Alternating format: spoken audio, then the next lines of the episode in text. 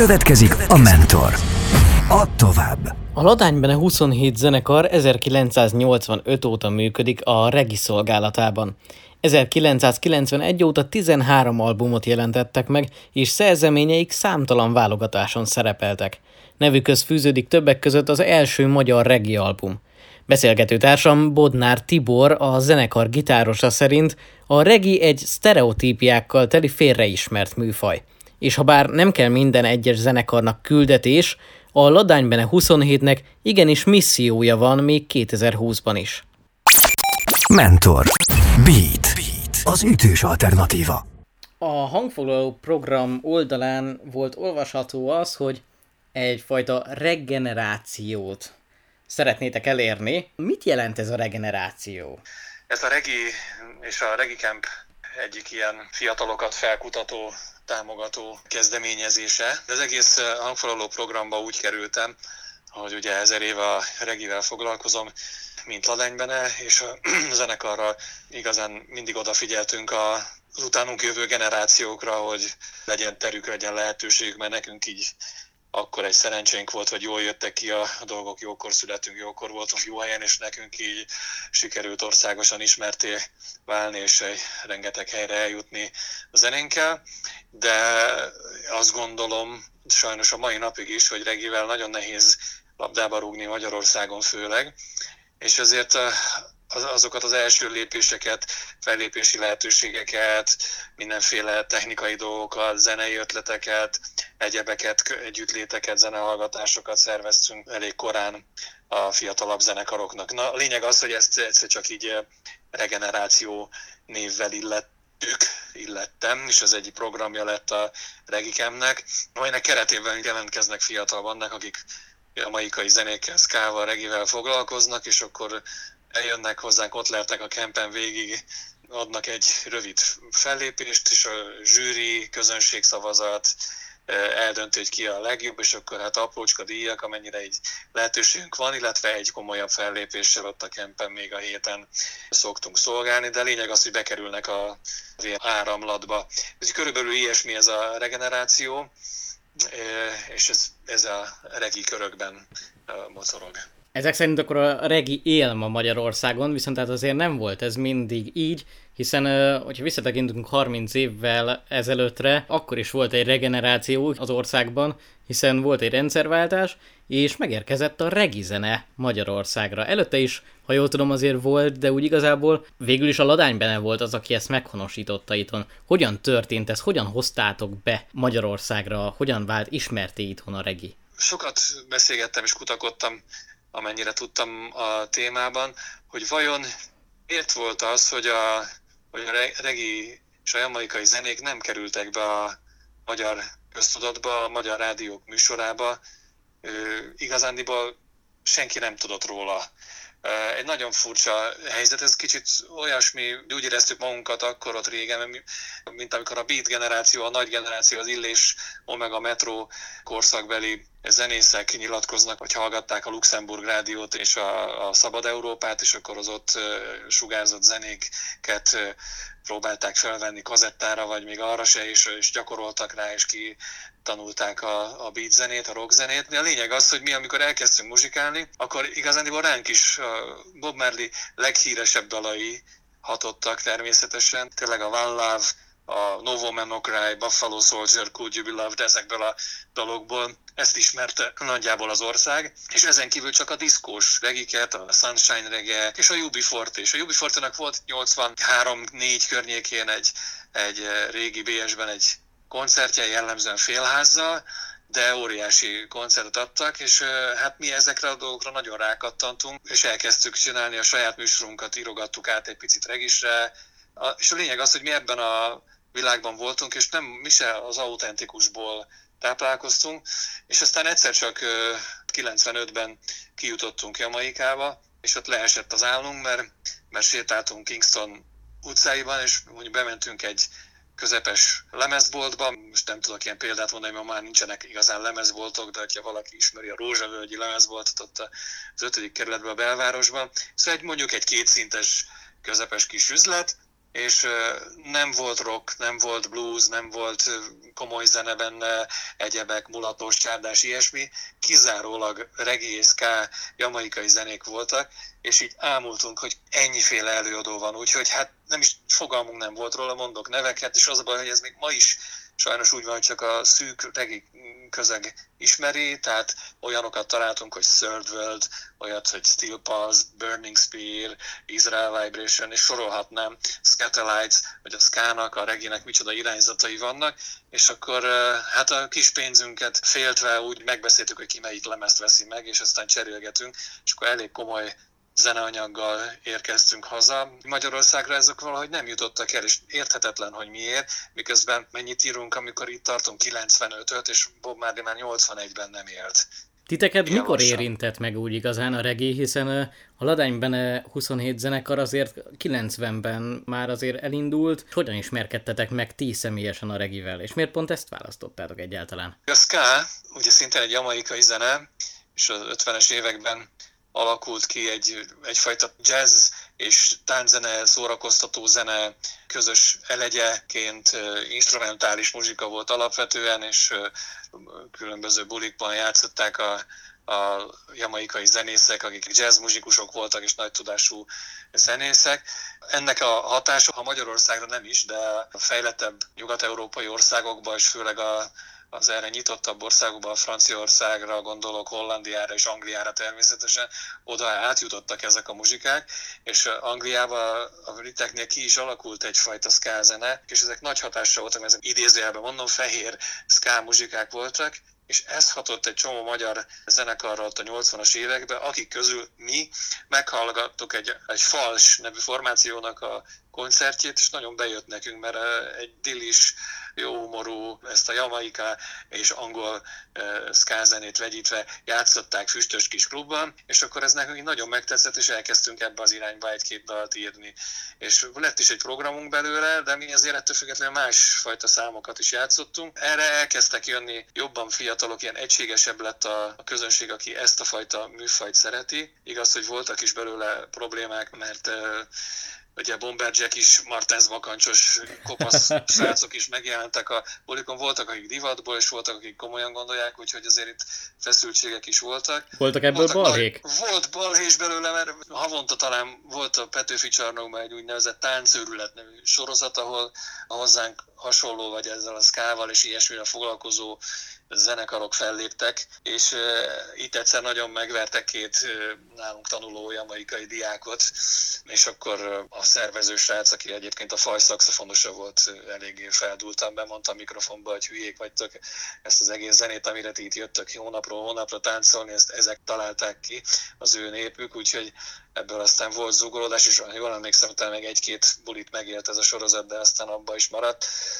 Úgyhogy a lényeg az, hogy így mi akkor már ebben belekerültünk, lelassítottunk egy-két számunk refrényét, az új volt például egy ilyen, aminek már reg is lassabb tempójú volt, és, de mondom, a Ubiforti hatás, meg ezek a dolgok voltak így, amik, amik érvényesültek nálunk, és még nem az igazi egy-két ilyen tehetségkutató fesztiválon elindultunk, az egyiknek a, az volt a fődíja, hogy eljuthattunk a a Tokai Rockgyermekei táborba, amit a uh-huh. Szigeti Ferenc, a Kártágó vezetője és gitárosa, szervezető és ilyen nagy tehetségkutató figura volt annak idején, és akkor mi azt a nyári fesztivált ott a szakmai szavazáson megnyertük, és nagy élmény volt, zenéltünk, jól éreztük magunkat, és akkor a Szigeti Feri mondta azt, egyszer csak összefutottunk vele a Magyar Rádióban, és mondta, hogy Tibi, hogyha hogy ti akarjátok a sikert, látszik rajtatok, hogy együtt van a banda, és nagyon szeretitek, de vagy csináljunk egy lemezt,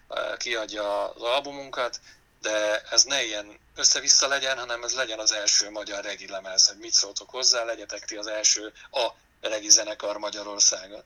Miután ezen az úton voltunk már, csak nem kimondva, akkor azt most a Feri kimondta helyettünk, úgyhogy mi akkor bólintottunk, és akkor így lett az első lemezünk 91-ben, ami nagyon nagy szó volt akkoriban, mert, mert abban az időben még nem volt mindenkinek, nem voltak kis kiadók, nem lehetett magán úton kiadni lemezeket, hanem igazándiból csak a legnagyobb előadóknak volt, tehát ilyen LGT, Omega, meg Konzuzsa, KFT, tehát ilyen e, albumok jelentek meg, és mi bekerültünk úgymond ebbe, a, ebbe az élmezőnybe, igaz alulról, de szépen becsempésztük magunkat. Pesti srácokként hogyan jött a Ladánybene 27 elnevezés? Ez egy 1984-5-re visszavezethető történet. Mi 13. kerületben jártunk ketten a Kilián György gimnáziumban, ketten hárman, és többen a Berzsenyibe.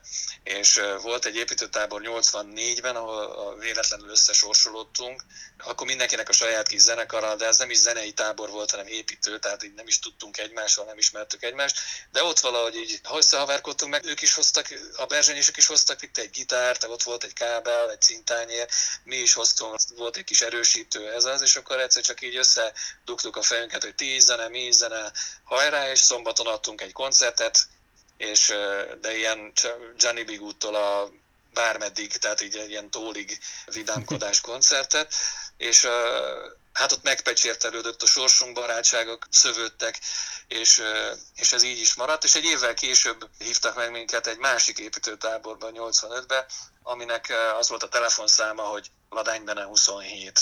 Nem hm. volt bekötve még a távhívó rendszerbe, tehát nem lehetett 06-tal hívni, hanem a postát kellett fölhívni 01-el, és akkor valaki fölvette ott egy ilyen ott dolgozó hölgy, és akkor be kellett mondani, hogy Pilipócs 2, vagy Ladánybene 27, és akkor kapcsolta. És akkor mivel azt gondoltuk, hogy ez a világ vége, és mi meg óriási nagy híres budapestiek vagyunk, ezért volt egy pici ilyen ilyen érzésben, hogy na, akkor itt most a világ, az Isten háta mögött vagyunk, akkor ez a táborozók felé jó lesz címnek, hogy Ladánybene 27. És akkor ott adtunk egy koncertet Ladánybene 27 néven, soha ne legyen olyan rossz koncertje senkinek, mint az volt, úgyhogy úgy, ez, ez ott így akkor beégett, hogy na, akkor ez, ez egy jó ómen lesz, hogy, hogy hát félváról vettük, az csak ott egy ilyen csajozás szintű zenélgetés volt, úgyhogy, úgyhogy azóta sosem fordult elő semmiféle ilyen negatív élmény koncerttel kapcsolatban. Mentor. Beat. Beat. Az ütős alternatíva. Milyen volt bekerülni tényleg olyan nevek mellé, mint az LGT, az Omega vagy Konzsuzsa? szerénység az azért jellemző ránk, és az én saját személyiségem egyáltalán nem kívánta azt, hogy, hogy én meg, megérettessem a zenekarom tudását, hogy ilyen, ilyen tehetségkutatókra menjek, és induljunk, és akkor ott majd mondanak valamit, vagy bejutunk, vagy stb. Ettől függetlenül srácok nevezték a zenekart, és így, így azért lépegettünk előre, és utólag maximum respect, meg hát tényleg anélkül nem jutottunk volna tovább. Hát ezek apránként jöttek, tehát mondjuk amikor először bekerültünk a, a nagy királyi rádióba, ugye a Bródi Sándor utcába, és akkor ott, ott egy-egy riportra meghívtak minket, mert már volt rádiófelvételünk, már maga az, hogy a Szigeti Ferivel beszéltünk, ugye a Kártágó legendája, és akkor ott a stúdiókban, vagy ott ebben, ebben a klasszikus Pagoda nevű mm. ilyen előtérben, ott már össze lehetett futni színészekkel, zenészekkel, mindenféle ismert emberrel, pacsi rövid beszélgetések, hosszabb beszélgetések, és akkor ez, ez így elindult.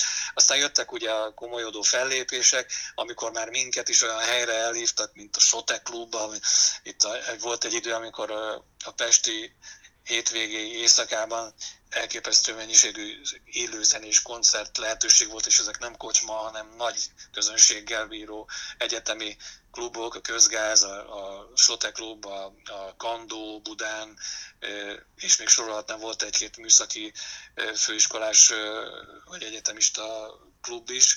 De gyakorlatilag havonta egyszer egy nagy színpadon Budapesten lehetett játszani, és ezeken a helyeken viszont már tényleg azok a bandák játszottak, a KFT, a V-motorok, a, sorolhatnám, akik egyfajta ismertségi halmazt képeztek, most direkt nem a, a művészeti oldalról közelítem meg, egy népszerűségi halmazt, amiben oda, oda becsöppenni, felzárkózni, akkor közös bulik, akkor akció, karácsonyi, jótékonyság, stb. És hogy egyszer csak úgy benne voltunk, szilveszteri külön műsor valahol, és akkor ott, ott egyszer csak azt vettük észre, hogy már a top előadókkal vagyunk, egy asztalnál, egy műsorban, úgy, hogy mi ezt a kevésbé ismert jamaikai zenét tolmácsoljuk itt Magyarországon. Létezik Magyarországon még ez a klub élet? Létezik, vidéki helyszínek jutnak jobban eszembe, de mhm. természetesen Pesten is csak nagyon nyíródik, tehát hogyha most mondjuk az elmúlt öt évre gondolok vissza, a kuplunk például kifejezetten egy klub volt, aminek nagyon jó volt az eszmeisége, szellemisége, a zeneválasztása,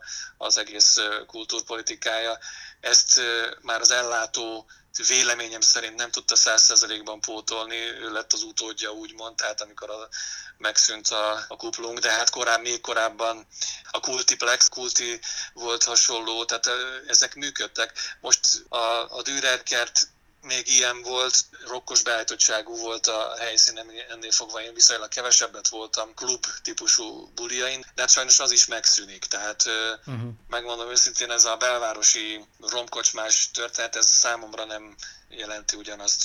Amikor te leülsz zenét hallgatni, akkor mindig a regit választod? Milyen műfajú zenét hallgatsz, és miből inspirálódsz? A rock is, rockot is szeretem, csak a klasszikus régi rockokat kedvelem és miközben azt gondolom, hogy értem, és, és tudom, mi a jó a, a rock mechanizmusában, és mit lehet rajta szeretni, ettől függetlenül egy-egy dal erejéig szeretem, de nem megyek el. Már, ezt most úgy mondtam, mint egy öreg ember, szóval hogy nem járok el rock koncertekre, mert azt én nekem, nekem úgy sok, tehát én alapvetően azért a regire vagyok nyitott, mert nagyon kevés időm van csak úgy zenét hallgatni, és akkor vannak elmaradásaim miatt.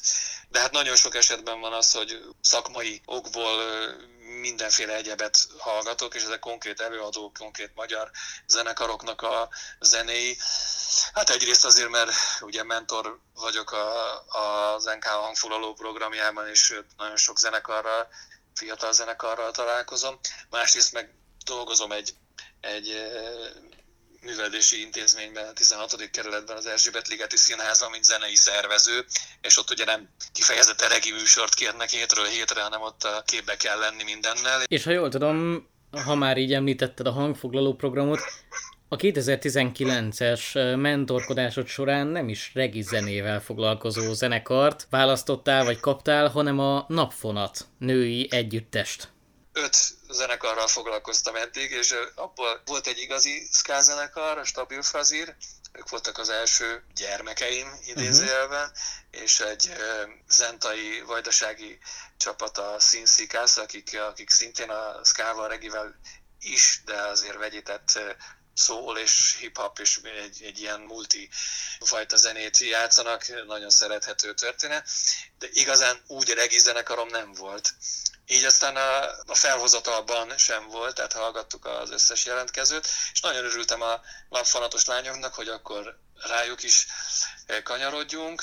Ők eh, a capella ének együttes, kiegészülnek persze a prokézi hangszerekkel, egy-egy gitár, citera, vagy, vagy dobok, csörgő hangszerek, ilyesmi, ritmus hangszerek. Ők alapvetően ilyen népdal, népdal feldolgozás, átdolgozás, ilyen ihletettségű saját dalok, ilyesmi kultúrkörben mozognak, a, a tisztaság és a nyíltszívűség és a chill, a nyugalom jegyében végtelenül őszinte és végtelenül tiszta dolog, amit ők képviselnek, úgyhogy mosolyuk, a, a muzikalitásuk, a színpadi jelenlétük azonnal magával, magukkal ragadt engem is. Voltam náluk stúdióban is, beszélgettünk arányokról, hatásokról, ilyesmikről, de ezek nem annyira konkrétak, hogy, hogy azt jelenteni, hogy, hogy akár szerzőként, vagy szerzőtársként, vagy, vagy valahogy így jobban belefolytam volna a dalok kialakulásába. Volt olyan zenekar, akivel meg igen, akik igényelték nagyon, hogy próbákra is jártam hozzájuk. Melyik zenekar volt ez, és ott miben tudtál segíteni, vagy melyik dal megszületésénél tudtál igazán segítkezni? A legelső bandához, a bandámhoz, a Stabil Frazihoz gyakran jártam el a próbáikra, és ők nagyon nyitottak voltak arra, mert ők egy jó pár éve létező banda voltak, és nagyon keresték a sikert, és csillogó szemmel kérdezték, hogy Tibi, mi a véleményed erről, és most ne arról szól, hogy te most megdicsélsz minket, és aztán szevasz, hanem hogy tényleg menjünk neki, és akkor ott voltak kőkemény próbák. Amin sokat dolgoztunk, az spontán a klippes dal lett, ez a hétvégére című stabil frazír nóta. Abban még ritmus hangszeren, szájritmus hangszeren még közel is működtem, ez a egy ilyet csináltam benne. Neked a hangszerelés, a hangzás, vagy a szöveg jelent inkább többet, amikor meghallgatsz egy dalt? Most én változó korban vagyok, mert mostában a szöveg valahogy elindult, de én alapvetően a szöveget a legvégén figyelem, annyira a hangszerelésre vagy a dallamokra figyelek. Hogyha élőben hallgatok valakit, akkor, akkor a dob, és annak a lendülete, a sodrása, hogy az magával ragad vagy sem. Illetve hát én valamiért ilyen egységében próbálom felfogni a zenei egységében a, az adott szerzeményeket, és hogyha így, mint mentor, vagy zenei külsőfül, vagy valami ilyesmi, amikor zsűrizünk, zsűrizünk a srácokkal, a kollégákkal, akkor is ilyesmiket figyelek én, hogy, hogy, hogy érint meg, hogy egyből dobom be a lábammal. Zsűritaként ezekből tudod levonni azt, hogy ki az, aki tehetséges, és ki az, aki nem? Vagy van ott valami plusz is, valami megérzés? Hát én a szándékot keresem, uh-huh. a mhm. csillogást a szemekben, amennyire lehet az egyediséget, ez nagyon nehéz azért egyedinek lenni 2020-ban. Uh, nyilván a hangzást, nyilván az egész színpadi jelenlétet, de miután nem kész produkciókat vár a, a kollégium, hanem, hanem pont olyanokat, akikre, akikre igenis ráfér egy majdnem egy éves közös munka valami rájuk, rájuk tagsát mentorral, az ő segítségével, rugdosásával. De most, hogyha így veszük, hogy induló és fiatal zenekarokat keresünk, akkor engem leginkább ez, hogy, hogy azt lássam, hogy ők le, azt akarják, hogy lejöjjön a színpadról, amit csinálnak, ez az elsődleges. Aztán persze tiszta játék, pontosság, ötletek, hangzás, sound, megérint, dobolom, énekelem, stb. Tehát ezek így sorba jönnek ezek a szempontok. Nekem a személyi jegyzőm mindig azt mondja, hogy uh, aki készen van, az ne jöjjön edzeni, mert az menjen ki a strandra, és akkor ott mutogassa magát, az edzőteremben valószínűleg nem azok járnak, akik úgy érzik, hogy ők készen vannak. Zenében van olyan, hogy valaki készen van? Van, és aztán, ha nem gondolkodik tovább, és nem fejleszti magát tovább, akkor egyszer csak hamar unalmassá válik. Saját maga számára először, és aztán azt megérzi a közönség, és a, akkor már a közönség számára is főleg azokra a bandákra jellemző, akik, akik mondjuk ilyen egylemezes vagy egyslágeres előadók voltak, és te is biztos tudsz ilyeneket. Én mondjuk azt mondom, hogy trió és a Dádádás zenekar, akit én nagyon-nagyon szeretek, mert szerintem az egy totális és pontosan tökéletesen megcsinált és összeállt produkció volt, és ott a vége. De az ott, amiket ott arra a lemezre ott megcsináltak, és abban volt egy kiugró nagy sláger, az ott például egy tökéletes dolog volt. De nem tudott tovább lépni, nem fejlődött tovább. Ott van most mondok egy ellenkező példát, a Sting nagyon jól megérezte, hogy, hogy, hogy ott tovább kell lépni, és a szóló pályáján vitte tovább, és a jazz hogy bele szőtte és áthangterelte a, a dalait. Volt mentorotok egyébként? Hát konkrétan menedzserünk volt, de ő inkább gazdasági és kapcsolati menedzserünk volt, és nélküle nem is jutott volna túl messzire a zenekar, mert kis mellékáként elmesélem, hogy nálunk az elég szépen minden a legjobbkor jött, tehát nekünk nagyon szerencsésen alakult az életünk, mindig jó időben valami, mindig valami változás történt nálunk, és így volt ez is, amikor az első lemezünk megjelent. Az első lemezig szerényen, álszerényen mondom, hogy, hogy talán én menedzseltem fel úgy többnyire a zenekart, és ez egy komoly út volt, és nagy, nagyon büszke vagyok erre a szakaszra, de ott az első lemezünk az, az bepüffett, egy hiba miatt, amit nem mi, nem rajtunk múlott a kiadónál, a gyárban, a lemezgyár, kazettagyárnál, a kazettán is bakelite jelent meg a lemez, a kazettára a karácsonyi piacra kidobott x ezer kazettára nem a mi zenén került föl, a borító minden ugyanaz volt, tehát aladánymene volt, csak a zene az Eszményi Viktória Heilig Gábor párosnak egy gyerek anyaga volt, és ezért vissza kellett rendelni az egészet, és így kimaradtunk a karácsonyi piacban. A lényeg az, hogy nem lett egy, egy semmilyen lemez, egy nagyon kevés fogyott belőle.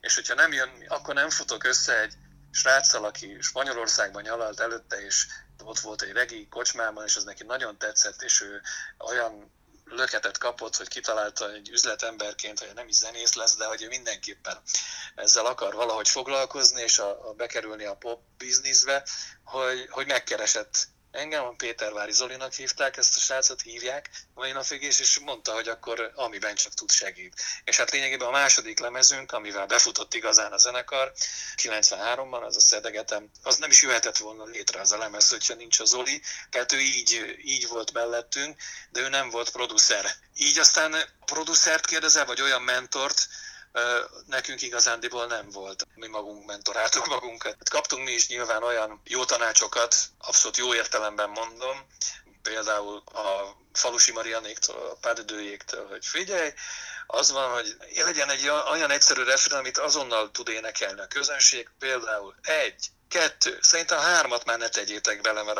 akkor már bonyolult lesz. Tudod, és akkor ezt így gondolkodtunk, de hát ez ennyire nem gondoltuk, hogy, tehát, hogy mi ezeket a szempontokat így figyelni akarjuk, mi inkább csináltuk azt, amit éreztünk. Már eleve a Reginek a, a ritmusa, a temp, nem a ritmusa, bocsánat, a tempója egy teljesen más BPM, mint a divatos tempók az akkori menő zenékben, úgyhogy évtizedekig tiltakoztam a beszkatujázás ellen, hogy a regi egy rétegzene, most egy kicsit idősebb fejjel azt mondom, hogy tényleg az, de ezt inkább büszkén mondom. És milyen a jó mentor szerinted? Nem úgy van, hogy jó mentor és rossz mentor, hanem az adott produkcióhoz milyen a jó mentor. Ha az a produkció jobban igényli azt, hogy irányítsák, akkor olyan mentor kell neki, aki úgy irányít, hogy egy olyan példát tud mutatni a ennek a kicsit az útját kereső zenekarnak, hogy ők jól járnak, hogyha vakon követik a, a mentor intelmeit és tanácsait, és akkor ilyenből számtalan példa és variáció. Mentor. Add tovább. Beszélgettünk itt már arról, hogy uh, milyen a jó mentor, meg hogy milyen a jó dal, azt is azért uh, érintettük. A Regin, ez azért egy életérzés is. Számodra mit Igen. jelent ez az életérzés? Mit közvetít a regi zene? Mm, azt jut eszembe, hogy ezen az életérzésen sokan mosolyognak egyen, mert mondjuk a ganja jut eszébe, a, a beszívott raszták a pálmafák alatt, és ezek a sztereotíp dolgok, amik, a, amik tévesen mutatják be a, a regit és a jamaikai embereket. Meg az is eszembe jut, hogy amikor elkezdünk erről idézőjelben papolni, akkor olyan, mint hogy egy kicsit el is riasztanánk ezzel a, azokat a hallgatókat, azokat a nem regiseket, akik mondjuk nyitottak lennének, de valahogy, mint hogyha ez egy ilyen sokkal komolyabb történet lenne. Én nagyon egyszerűen lefordítom, például annak idején 80 valamikor volt egy nagyszabású buli, ahol, ahol ismert nagy zenekarok léptek fel egymás után, mindenki, mindenki nagyon szeretett, tényleg ilyen vegyes, kult, multi fesztivál volt, de amikor a UB40 lépett föl ott, akkor annál jobban nem táncolt senki, tehát hogy ott iszonyat táncolás volt a, a nagy stadion legfőső karimáján ülő, vagy illetve akkor már táncoló emberek is nagyon-nagyon élvezték a, a bulit. Vagy hát ugye azt, ennek a reginek van egy, van egy ilyen éltető, jó érzésű hatása, azt mondta erre a Bob Marley, hogy a, hogy a positive vibration, Man Vibration pozitív, vagy a, ez a bizonyos Third World zenekar, nekik volt egy Rhythm of Life, vagy ez az élet ritmusa, daluk, mi magunk is tapasztaltuk saját magunkon, hogy rajtunk is úrá lesz egy ilyen jó érzés, ez, egy, egy, ez a tempó, ez a középtempó, ez a, ez a ritmusképlet, amit úgy hívnak, hogy van drop, ami a szív dobogásának a tempójában egy ilyen erre hajazó lüktetés, jó érzés együtt lüktetni ebben a muzsikában, és ezt érzi a közönség, és visszaadja a jó érzést, és egy, tényleg van egy ilyen kis, kis pozitív töltete. A regitől egy picit hátralépve, szerinted kell, hogy legyen a zenének, vagy egy zenekarnak valamilyen jellegű küldetése, vagy üzenete, amit szeretne átadni a közönségnek? Igazándiból vannak ö, olyan attraktív muzsikák, mondjuk jazz világában gondolkodom például, ahol, ahol magas szintű együttzenélésnek nevezhetjük ezt a küldetést, de alapvetően így regiben sem feltétlenül szükséges, bár a reginek elég komoly küldetés tudata van. Mi küldetésként éltük meg, és ugyanúgy küldetésünk például a fiatalok felkutatása, az, hogy legyen egy regikempünk, egy, egy ötnapos együttlét, ahol a, a műfaj közönsége és a műfajt bármilyen szinten művelője, akár csak egy weboldal, regi weboldal szerkesztője is ott tudjon lenni, és ezek, ezek az emberek együtt legyenek és eszmét cseréljenek. Szóval ezt, ezt nevezhetjük küldetésnek, de nem kötelező szerintem, mert az is jó, hogyha valaki egyszerűen, egyszerűen, de tisztán baromi jó zenét játszik, és akkor nem kérek tőle küldetést. Az öröm akkor is ott lesz az arcán, és az maga egy küldetés, hogy, hogy, hogy egy jó érzést sugalla a színpadi jelenlétével, és ennek lehet örülni. Az egyik legfrissebb dalotoknál azért megjelenik az, hogy van üzenet, van reflektálás a jelen helyzetre, hiszen 2020-ban uh, ti terveztetek egy, egy új lemezt kiadni, és ennek van egy vezérdala, amit már meg is ismeretett a közönség, ahol reflektáltok ti is a videoklipben is erre az egész káoszos évre. Igen, ez a műanyag nyár. Furcsa módon ezt a káoszos időszakot, ezt elég szépen magunk is, igen, ez, ezt kerestem, ezt a gondolatot, hogy, hogy minket is meglepett a tavasz folyamán, amikor először zártuk le a úgymond a koncert lehetőségeket, és így márciustól mindenki otthon volt a lakásában, és mi is készítettünk egy ilyen otthon, otthoni karantén videót, ahol pont ezt a dalt vettük elő, mert ez akkor égett be, hogy, hogy, hogy ez mennyire erről a helyzetről, erről a, a, erről a mű együttlétről, erről a nem létező közösségi életről tud szólni, és hogy hát, hogy mikor lesz vége már, tehát hogy a, már a, felkelő napot is a tévén keresztül látjuk szinte, hogy annyira nem a, a valós életünket tudjuk e, élni, és ez, ez így elég erősen összestimmelt, vagy így, így oda kacsintott, hogy tényleg aktuális nagyon a, a szövege. Tóth Gábor barátunk, aki régi, régen volt tagja a zenekarnak, ő írta ezt a szöveget, és hát amikor oda kanyarodtunk, hogy, hogy klip, akkor szinte egyértelmű volt, hogy ebből szeretnénk, és hát ott nagyon szerettük volna kifejezni. Hát ugye távolságtartás van, maszk van, együtt vagyunk, de mégsem távol vagyunk egymástól, már a színpadon is távolságot tartunk. A színpad elemeket raktuk mindig egyel odébb, odébb, odébb, hogy hogy kvázi, mint hogyha így lenne biztonságos, hogy ott van közöttünk valamiféle mesdje, valamiféle óceán, valamiféle távolság, és akkor így játsszuk a, a számokat együtt, tehát hogy egy ilyen eléggé elcseszett év volt ez a 2020, és reméljük, hogy hamar, hamar változni fognak a dolgok. Hát reméljük, hogy hamar közeledhetünk inkább egymáshoz, és uh, aztán találkozhatunk veletek is, akár élőben is, és uh, megismerkedhetünk valóban ezzel az új albummal. Köszönöm szépen, hogy itt voltál velünk. Én köszönöm, hogy felhívtál és beszélgettünk, nagyon jókat kérdeztél, úgyhogy élmény volt veled beszélgetni, és hát üdvözlöm a hallgatókat mindenkinek, boldog karácsonyt és sokkal boldogabb új évet kívánok. Beatcast. Ez a podcast a Beat saját gyártású sorozata. Beat, az ütős alternatíva.